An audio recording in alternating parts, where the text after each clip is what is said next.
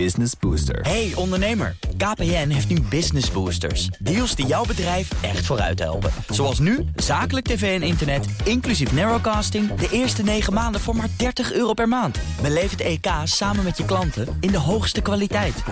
Kijk op kpn.com slash businessbooster. Business Booster.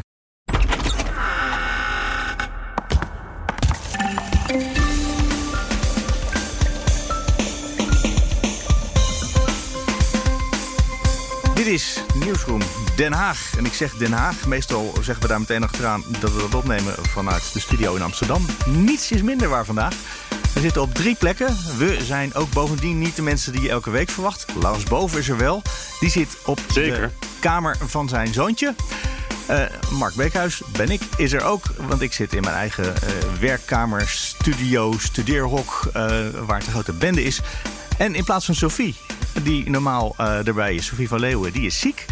hebben wij deze week Thomas van Groningen... die eh, deze week zijn vuurdoop had in de Tweede Kamer... als parlementair verslaggever. Eh, want Laurens, ja... je moet wel uitkijken wat je zegt. Want je zegt, ik zit op de kamer van mijn zoontje. Nou, dat gaat mijn zoon niet leuk vinden dat je hem een zoontje noemt, hoor. Oh, excuus, excuus. Al die De beste man is eh 14 Nou ja, dit zijn dus de gevoeligheden die, waar je mee te maken krijgt bij het thuiswerken. Juist. Ja, wij hebben hier eh, bij mij thuis eh, één gemeenschappelijke studeerkamer. En mijn vriendin die eh, is ook in de thuiswerksituatie verplaatst. Ehm, en ja, de, dan, ik dacht van ik kies eieren voor mijn geld. Ik ga niet naast haar zitten in die studeerkamer. En dan zitten we elkaar de hele dag in de haren. Met allemaal onze eigen werk overleggen. Dus ik heb de, de kamer van mijn zoon gekraakt. Ja. De kamer Dus van ik zit hier zoon, nu tussen ja. de Rubik's Cubes mijn opnames te doen. En Thomas, waar zit jij? Ik zit aan mijn keukentafel. eh, ik noem het zelf altijd de BNR Studio Zuid. Oftewel de studio in Tilburg, want daar woon ik. Midden in eh, de, de brandhaard. eh, zoals het genoemd wordt, hè, van, van, de- corona-uitbraak. Ehm, maar daar zit ik. ik. Ik was ziek vorige week, maar ik voel me nu kip lekker en ik zit lekker thuis. Ehm, een beetje moe nog, want we nemen het op op vrijdagochtend. En het was gisteravond vrij laat in de Tweede Kamer. Eh, maar daar zit ik. Ja, je zegt vrij laat. Ik kreeg om kwart voor vijf vannacht een appje van je. Ik zal de wekker om tien uur zetten. Dan heb ik toch nog een paar uur slaap.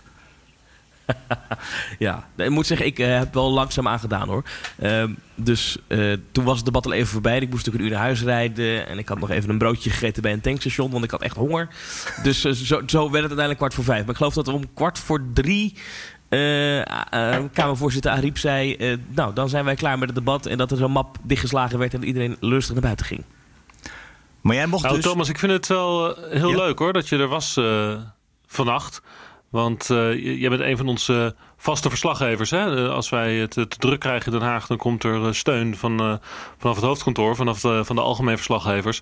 En je viel vannacht wel met je neus in de boter natuurlijk. Want het was wel een heel bijzonder debat voor jou om voor het eerst verslag van te doen, denk ik. Nou, zeker. Eh, eh, meteen ook e- echt een debat. Het, het was echt even pittig ook op een gegeven moment. En dat was toch, vond ik interessant, vanuit eigenlijk alle gelederen, oppositie, eh, maar ook coalitie, was er echt wel felle kritiek. Dat is best wel interessant. Wat, wat is die dynamiek? Wat gebeurt er dan?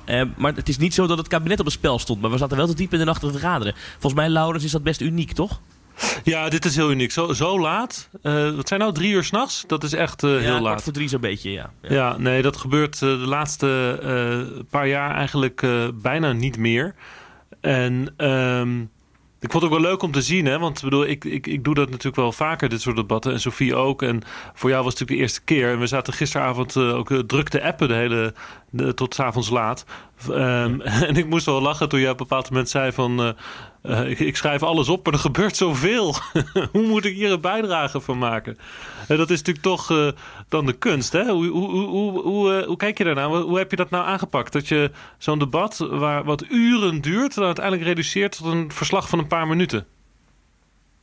Nou, ik heb gewoon achteraf gekeken naar wa- wat was nou het belangrijkste. Waar zat nou echt de discussie? Want er was heel veel, maar echt de kern van het, het hele debat was waarom het ook zo lang duurde. Waar iedereen op wachtte was de antwoorden van Rutte op de vragen waarom de scholen open blijven. Want daar hadden heel veel partijen vragen over hoe zit dat nou precies? Wat is nou precies het argument om te zeggen, we zeggen wel... dat de sportkantines dicht moeten. Eh, we zeggen wel geen evenementen met meer dan 100 personen. Maar een school, gemiddeld in Nederland zitten er 350 mensen op een school. eh, die gaan wel door. Nou, dat, daar zat de meeste spanning. Dus ik heb gewoon wat, wat, wat momenten gepakt uit het debat waar dat het beste uit bleek. Waarom. eh, wat, wat is het argument van Rutte? Nou, het argument van Rutte is: ik luister naar de adviseurs, ik luister naar de deskundigen. En dat moet ik doen. En dat is een call die ik moet maken. Luister ik naar de adviseurs of sla ik hun advies in de wind? En ik luister er nu naar. Ehm, en eh, hoe een aantal partijen daar eh, uit, alle gelederen toch commentaar op hebben. Uiteindelijk kwam er overigens een motie om de scholen direct te sluiten. En die haalden het niet. Dus eh, het is niet zo dat de hele Tweede Kamer vond dat de scholen echt dicht moesten. Maar ze hadden wel allemaal vragen daarover. Heeft hij overtuigd trouwens? Want ik had het idee dat hij af en toe ook zei, de premier, eh, ja, die rapporten die schrijven wij samen met de deskundigen. En dan an- op andere momenten dan zei hij weer, nee, maar ik luister naar de deskundigen. Ja, ik weet niet of hij daar nou echt de Kamer overtuigd heeft. Uiteindelijk is er ook gevraagd nog aan het kabinet om toch van dag tot dag eh, vanaf nu te gaan beschrijven eh, waarom de scholen open blijven, wat de situatie nu is en of het niet nu misschien veranderd is, de situatie. Ehm, en dat de scholen misschien alsnog dicht moeten. Dat moet het kabinet nu, dat is ook echt aangenomen vanaf maandag, iedere dag gaan documenteren. En ehm, dus als je dat dan hoort, dan is het niet dat hij de Kamer overtuigd heeft van vertrouw me nou, het zit goed, die scholen kunnen open blijven. Nee, eh, de Kamer wil echt wel vinger aan de pols houden en weten, oké, van dag tot dag moeten ze misschien toch dicht of kunnen ze nog open blijven? Wat blijven de deskundigen zeggen? Dus echt Ah, overtuigd ja, wat- hij ze dan niet. Wat mij nog wel opviel was dat, eh, kijk, die motie die haalt het natuurlijk niet, omdat de coalitiepartijen nooit eh, de premier in deze situatie via een kamermotie tot iets willen dwingen. Maar in het debat werd toch echt wel ook duidelijk dat het ook bij de coalitiepartijen ingewikkeld zit dat die scholen open blijven. En die kunnen natuurlijk Rutte niet dwingen, eh, maar die kunnen wel heel veel vragen stellen. Dat deden ze ook. En in die manier waarop ze die vragen stelden, werd ook wel duidelijk dat het ze niet lekker zit. Ehm, dus weet je, ik, de- de- ja, het is een beetje lastig. Want ik, als ik nu iets ga zeggen over iets wat een paar uur nadat deze podcast gepubliceerd wordt, eh, ga voorspellen. Maar er- er is straks, straks natuurlijk weer een persconferentie van Rutte in de loop van de middag. En eh, het, het zou mij niet verbazen als daar opeens toch een ander besluit over die scholen voorbij komt. Ehm, ik, ik kan het natuurlijk niet eh, eh, al Nee, voorspellen is heel, dubbel, heel, heel spannend en dapper in deze dagen. Dat zou ik niet doen. Ja, maar weet je, kijk, het is natuurlijk heel opvallend dat eigenlijk alle landen om ons heen met ditzelfde probleem worstelen. En, en de, de, de oplossing waar ik ook in de Kamer toch wel een hoop begrip voor hoorde, was de oplossing die ze bijvoorbeeld in België of in Oostenrijk hebben gevonden. Dat de scholen dichtgaan, behalve voor eh, kinderen wiens ouders werken in cruciale sectoren van de samenleving die we niet nu kunnen missen. En want Rutte gebruikte dat als argument om de scholen open te houden. Ja. Maar dat zijn natuurlijk maar een beperkt aantal kinderen waar het dan om gaat. Dus Ja. sluit de scholen, behalve voor die groepen. Dat is wat ze in een flink deel van Europa doen. En ik kan me niet voorstellen dat Nederland het niet, als het niet vandaag is, in de loop van volgende week ook op die lijn gaat zitten. Maar er was heel veel irritatie bij ehm, de premier. En misschien is dat even leuk om te laten horen, Mark. De- gisteren, de premier ehm, had een aanvaring met Martin Heijink. Hij viel in voor Lilianne Marijnissen, want die is namelijk in Brabant eh, met verkoudheid en mag dus niet naar Den Haag komen. Martin Heijink nam dus voor haar waar. En hij, hij kreeg de premier op een onverwachte manier opeens op de kast. Door te vragen naar van leg nou eens goed uit waarin wij nu verschillen in onze afwegingen met de eh, landen om ons heen. Ja, voorzitter, de minister-president zegt dan net... je moet de brandweer nu de juiste middelen geven om de brand te kunnen blussen. En daar ben ik erg met hem eens. Maar als jij als land, als een van de weinigen... nog met water aan het blussen bent... terwijl de rest met schuim aan het blussen is... dan moet je wel een heel goed verhaal hebben waarom je dat doet. En dat verhaal, dat mist nog. Ik zou graag morgen van eh, de regering een brief willen krijgen... waarin de regering uiteenzet waarom de regering zelf... maar ook de verschillende RIVM'en en die we in Europa hebben... tot zulke verschillende afwegingen komen. Dat we daar een duidelijk nee. beeld over krijgen. Ga ik niet toezeggen. Daar Ik ben nog niet helemaal klaar, voorzitter, want ik wil aanvullend daarbij Ja? zeggen... in Frankrijk wordt precies het omgekeerde gedaan als wat hier wordt beweerd. Daar wordt namelijk gesteld, omdat kinderen milde klachten hebben... zijn zij een verspreider van het virus. Precies het omgekeerde. En ik, ik ga vanavond zeker niet per motie of per, per eh, achter de microfoon hier roepen... "Eh, alle scholen moeten nu dicht. In België overigens, begrijp ik, gaan de scholen ook dicht. En dan mogen wij hier toch de vraag oproepen: waarom wijkt onze aanpak zo af van die aanpak in de rest van Europa, de rest van de wereld? En dan wil ik gewoon graag dat de, uh, het kabinet in overleg met het RIVM uiteenzet... wat zijn nou de argumenten, de afwegingen die in andere landen worden gemaakt... om wel overgaan tot het Nee, gaan we niet doen. Daar is echt nu geen tijd voor. En we moeten echt nu de crisis managen. En eh, nog een keer, ouders moeten hun kinderen thuis houden als ze klachten hebben. Ja, de heer Heink. Ja, de minister-president wals nu overeen, daar hebben wij geen tijd voor. Nee, ik geef het even um, antwoord. Ik ga dat niet doen. Nee, je hoeft het gewoon niet zelf te doen. Uh, er zijn heel veel mensen die met de aanpak van het coronavirus bezig zijn. En het lijkt mij gewoon heel verstandig als onze aanpak op zo'n fundamenteel punt afwijkt van wat onze buurlanden doen, wat andere landen in de wereld doen, dan vind ik het geen onlogische vraag dat wij vanuit de Kamer vragen om maak een vergelijking met de argumenten waarop basis op basis waarvan in Frankrijk, in België, in de VS, op heel veel andere plekken overgegaan wordt het sluiten van scholen, terwijl wij het omgekeerde, exact het omgekeerde redeneren. En als, nog een niet, keer. als, als dat, die toezegging niet komt, dan zo dat per eh, motie maar voorstellen. Ja, dan wachten we de motie af. Maar nogmaals, ouders moeten en kinderen met klachten... Interessant ja? is, uh, Mark, dat we hier dus... En dan gebeurde een paar keer in het debat... dat Rutte er echt geïrriteerd was, boos was... zich moest inhouden om niet uh, te laten ontsporen. Terwijl een paar dagen geleden nog een hele andere Rutte zagen. Een ontspannen Rutte, een, een, een, Rutte die, die, zoals we hem al jaren kennen... eigenlijk de problemen um, met een grap probeert te, ja, onschadelijk te maken. Bijvoorbeeld dat fragment afgelopen maandag met dat handenschudden. Vanaf dit moment stoppen we met handenschudden. Dus u kunt uh, voet zoenen, u kunt elleboog stoten, wat u ook wilt. Maar we stoppen vanaf vandaag met handenschudden. Dat... Oké. Dank uh, voor de dank, ja. ja. Oh, sorry, dat mag niet meer. Sorry, sorry. Nee, nee. Oh, oh, over, over, over. Ik moet er nog wel. Zo, ja. Erg, zo'n gewoonte. Ja, dat mag dus niet meer. Ja. Dat is de grappige, ontspannen, losse Rutte. En er is ook een andere Rutte. Dat is de Rutte die boos en uh, geïrriteerd kan reageren op Kamerleden die hem in de weg zitten. En hij probeerde ook, de premier, in het debat af en toe grapjes te maken. En daar werd hij op aangesproken dat dat niet de bedoeling was.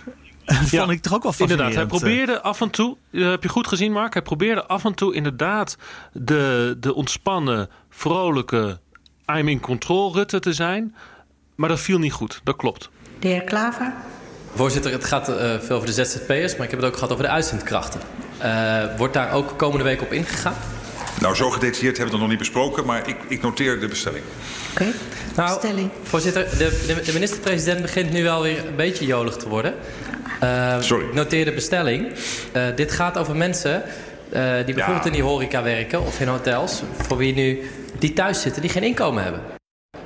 Dat snap ik. ik die dus die geen inkomen hebben, die ook geen buffers hebben om daarvan te leven. En dan is het wel de vraag, als wij het hebben over solidariteit die we hebben, moeten hebben, waar ik het 100% mee eens ben. Mm -hmm. Met mensen die zwakker zijn in deze samenleving en risico's lopen, waardoor we niet met meer dan 100 mensen bij elkaar moeten zitten. Het heeft consequenties voor het werk dat deze mensen hebben. En dat zijn geen ondernemers, zijn mensen die via uitzendbureaus werken. En die hebben ook geen inkomen. Uh, en we hebben door allerlei hele scherpe regels rondom de bijstand. Dus daar kunnen ze ook niet zomaar inrollen. Wat gaan wij doen om deze mensen te helpen? En ik wilde eigenlijk de toezegging op van de minister-president... dat ja. hij daar volgende week op terugkomt. Nee, dat doe ik niet. Maar ik, de, de suggestie is echt genoteerd. Ik snap hem ook. Maar ik ga nu niet... Uh, wij gaan dus even heel goed kijken. Heel precies. Als je had een paar suggesties. U heeft suggesties. Die noteer ik allemaal. Dus dat ja. was niet flauw bedoeld. De bestelling is een beetje flauw. Een klein grapje. Ik dacht, dat mocht misschien nu. Ja. Ik trek dat terug. Uh, want we moeten geen grapjes maken hier. Um, de, is nu, maar die bestelling is wel verstaan, maar ik ga er nu geen toezegging op doen. Dus we gaan er echt even goed En wat als je het dan politiek wil bekijken, Mark, wat hier nu natuurlijk ook meespeelt, is um, Rutte worstelt. Hè? Hij zit te worstelen tussen van... oké, we hebben een crisis, een uitbraak, een pandemie... onzekere toekomst, hele exponentiële groei van ziektegevallen. We moeten dat indammen, maar tegelijkertijd moeten we de samenleving niet ontwrichten. En daarin probeert hij een balans te vinden. Nou, en uh, nu is het heel interessant, vind ik, sociologisch, maatschappelijk, om dan te zien dat eigenlijk de Tweede Kamer en ook een hoop mensen in de publieke opinie dus hardere maatregelen vragen. He, dus het lijkt erop dat in dit soort situaties een uh, eigenlijk overreageren voor een politicus misschien wel beter is dan uh, proberen genuanceerd te blijven en voorzichtige maatregelen te nemen. Dus de, dat is de lijn die Rutte kiest: van laten we niet te veel, te streng de samenleving in de wielen rijden. Terwijl misschien dat eigenlijk politiek ja, de, de betere keuze zou zijn. Omdat hij nu het heel land erg in wil de het. staat. Alsof de Kamerleden vroegen het van hem, maar de premier zei nee, dat wil ik allemaal niet. Daar heb ik geen zin in. Dat vind ik te veel. Hij zegt, nou nee, nee, hij zegt zelfs, het liefst zou ik zelf ook de scholen sluiten. Ehm, daar is geen discussie over, natuurlijk. Alleen, hij zegt, het is mij geadviseerd het niet te doen. Dus, eh, ehm, en, eh, want, nou, en dan die sociale Ja. ontwrichting, want dan komen er te veel mensen thuis te zitten. Ehm, maar eh, hij zegt zelf dat het politiek voor hem eh, misschien ook beter zou zijn geweest om de scholen te sluiten. Maar hij heeft reden om het niet te doen. Wat mij ook nog opviel aan het debat. Ik heb vanmorgen nog even een paar stukjes teruggekeken. Want ik ben zeker niet tot, eh, tot- vier uur in de nacht bezig geweest. Eh, aan het eind van het hele debat waren er stemmingen. Heel veel moties, heel veel opdrachten aan het kabinet. Waarvan een heleboel het niet haalden. Maar wel met bijna of met de volledige oppositiesteun. En bijna alle andere moties hadden unanimiteit in de hele Kamer. Dat waren er ook een stuk of vijf of zo. Ik zeg dat uit mijn hoofd. Dat Ja, daar moet Thomas maar- antwoord op geven, want dat heb ik ook niet meer gezien. Toen lag ik ook al in bed. Maar de- nee, dat, Ja, dat snap ik.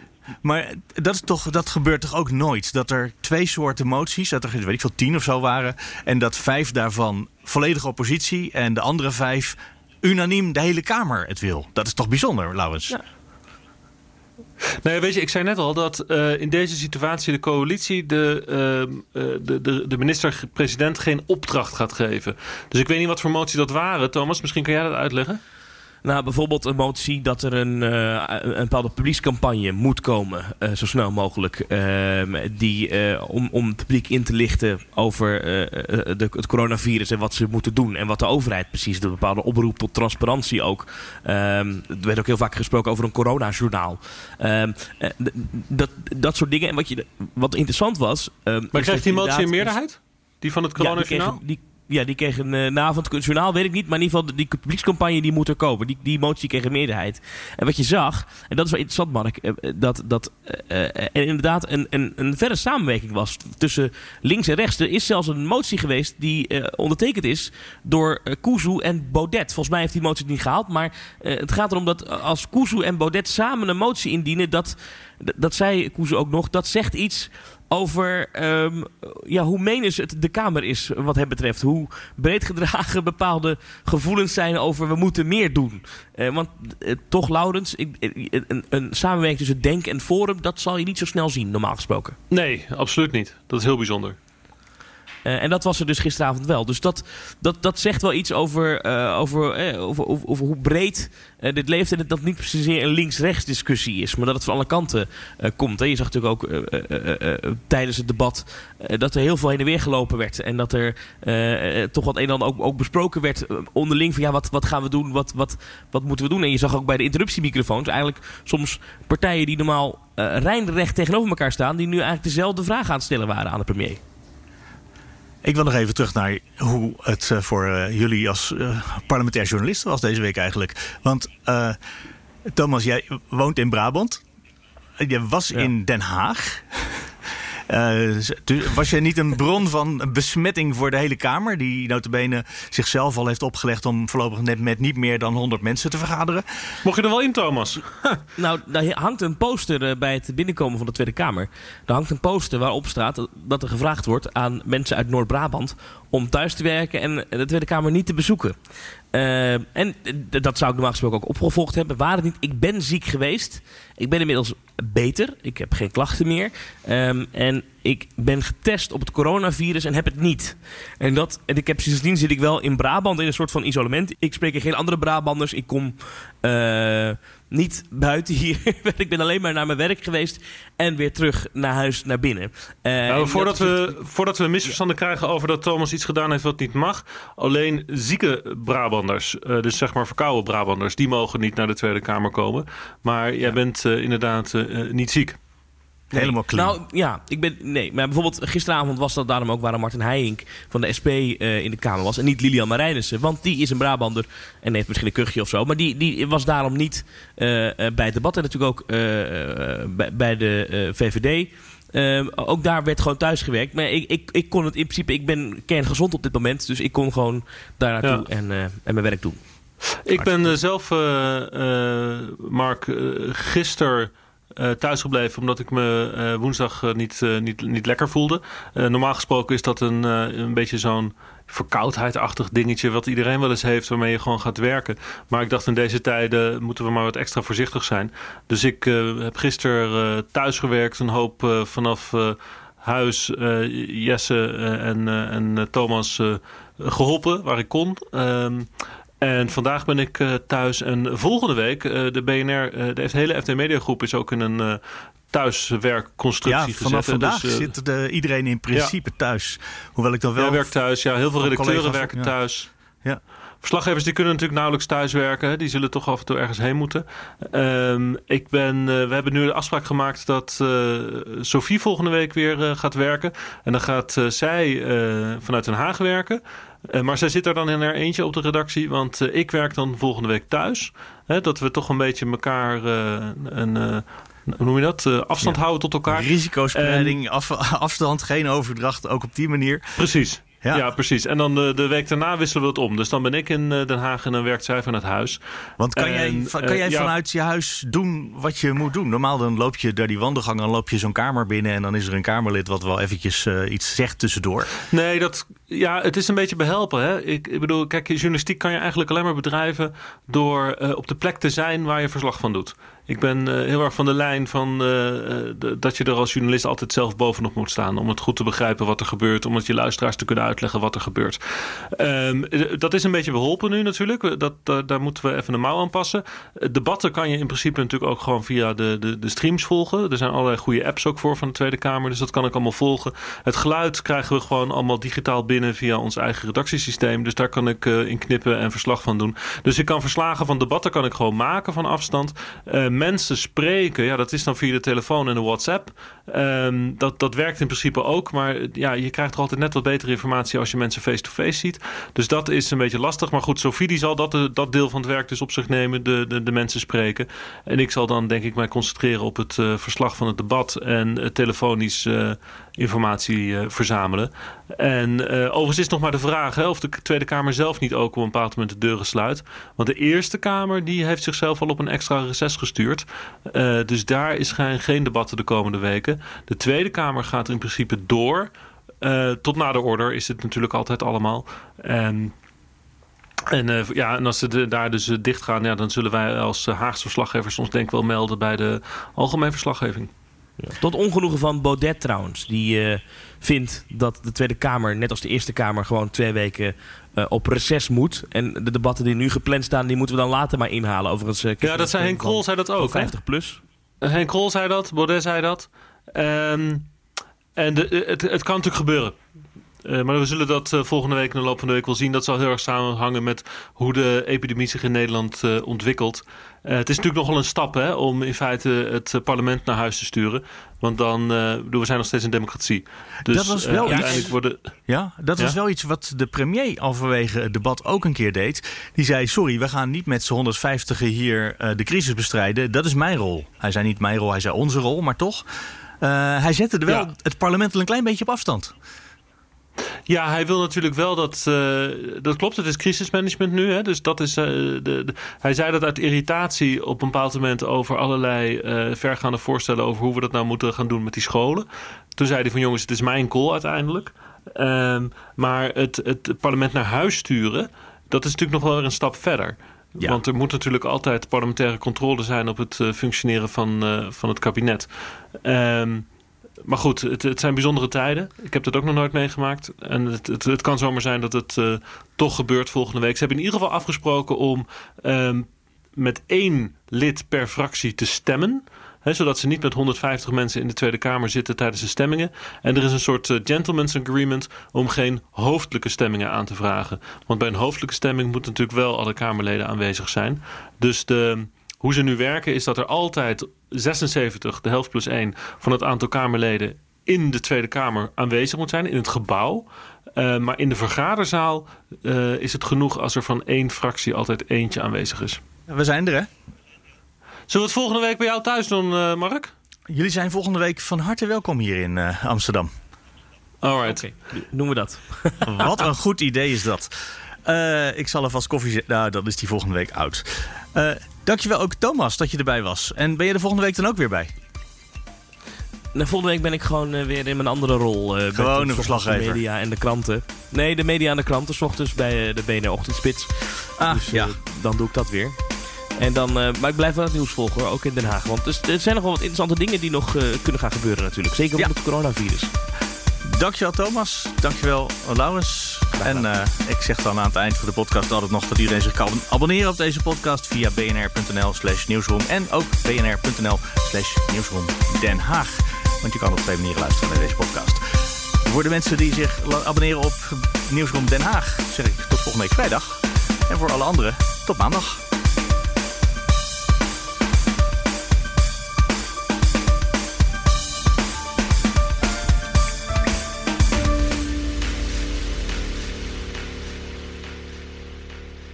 Business Booster. Hey ondernemer, KPN heeft nu Business Boosters. Deals die jouw bedrijf echt vooruit helpen. Zoals nu, zakelijk tv en internet, inclusief narrowcasting... de eerste 9 maanden voor maar 30 euro per maand. Beleef het EK samen met je klanten in de hoogste kwaliteit. Kijk op kpn.com slash businessbooster. Business Booster.